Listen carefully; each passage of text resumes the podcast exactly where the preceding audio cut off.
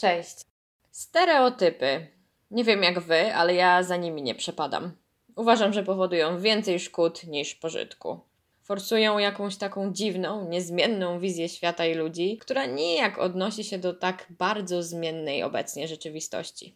Ostatnio zainspirowana rozmowami stwierdziłam, że warto jest poruszyć jeden bardzo krzywdzący stereotyp, mianowicie, że kobieta do jakiegoś określonego wieku, jedni mówią do 25 roku życia, inni do 30, powinna, powinna mieć męża i dzieci, bo inaczej hmm, nie wiem, jest jakaś wybrakowana, niespełniona, nieszczęśliwa i tak dalej.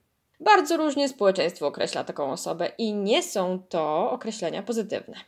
Stereotyp ten został wypracowany przez wiele lat. Powojenne pokolenie boomer właśnie w ten sposób wartościowało życie. Ma być rodzina i najlepiej jak najszybciej. Okej, okay, czasy po wojnie były trudne. Rozumiem, że ludzie w końcu mieli przestrzeń na cokolwiek. Część straciła rodziny, chciano odbudować lub zbudować więzy. Okej, okay, jestem w stanie to zrozumieć. Jednak czasy się zmieniły, a pokolenie boomer nadal uporczywie wymaga od kolejnych pokoleń, by żyły tak, jak żyli oni. Część z tych osób jest dosyć zamknięta, więc nie ma porównania, jakich wyborów można dokonywać. Jednak ta nieznajomość czy ignorancja nie daje im prawa wymagania, by ktoś żył takimi samymi schematami jak oni. W ogóle życie według schematów uważam za dosyć słabe i mało kreatywne. Ale co bardziej mnie dziwi, to obecne młode pokolenie kobiet.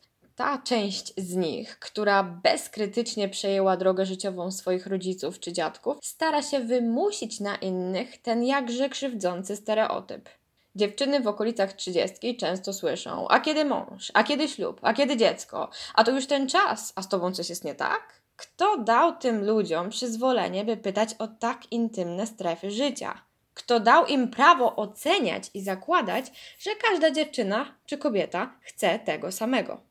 One pewnie nawet nie pomyślały o tym, że mogą takimi pytaniami kogoś bardzo zranić. Albo może chcą kogoś zranić z premedytacją. Pasywno-agresywne zachowanie, by lepiej urządzić się we własnym szambie i nie czuć tak smrodu?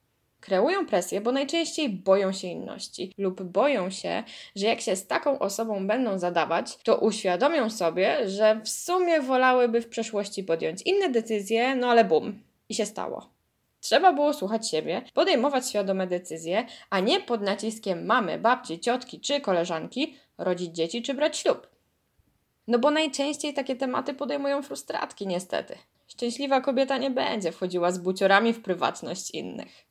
Nie wszystkie młode kobiety mają na tyle siły, by bronić się przed tymi rzucanymi w nie stereotypami i uświadamiać nieświadomych. Niektóre odbierają to za atak i potem w domu zastanawiają się, czy faktycznie podjęły dobre decyzje i może lepiej byłoby wziąć ślub z Juskiem już tak dla świętego spokoju. Nie, moje drogie, nie lepiej. Stoję murem za świadomością i dopiero jak będziecie wiedziały, czego chcecie, to to róbcie.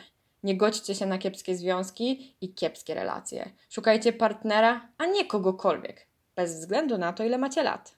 Nie pozwólcie, by ktoś wmówił wam, że trzeba szybko odhaczyć coś z listy załączonej do życia, bo takowej nie ma. Każdy ma swoje życie, każdy ma swoje tempo. Jedni chcą dziesięcioro dzieci w jednej chwili, a inni zero w ciągu całego życia. I nie ma w tym nic złego.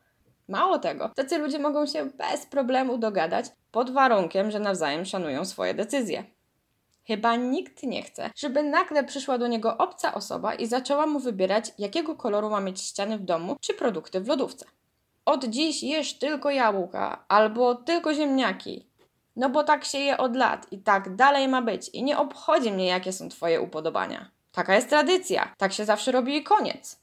Wyobraźcie sobie to. No i wcinacie te kartofle do końca życia. Chyba nikt tego nie chce, więc nie wtrącajmy się do wyborów i decyzji innych, to nas nie dotyczy. Jest to niestosowne, krzywdzące i mało empatyczne. Należy otworzyć głowę na to, że każdy ma swoją drogę i swoje decyzje do podjęcia, a całej reszcie nic do tego.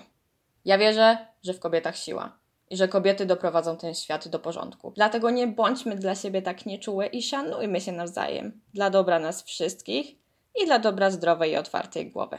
To tyle na dzisiaj. Życzę wszystkim miłego dnia i do usłyszenia następnym razem.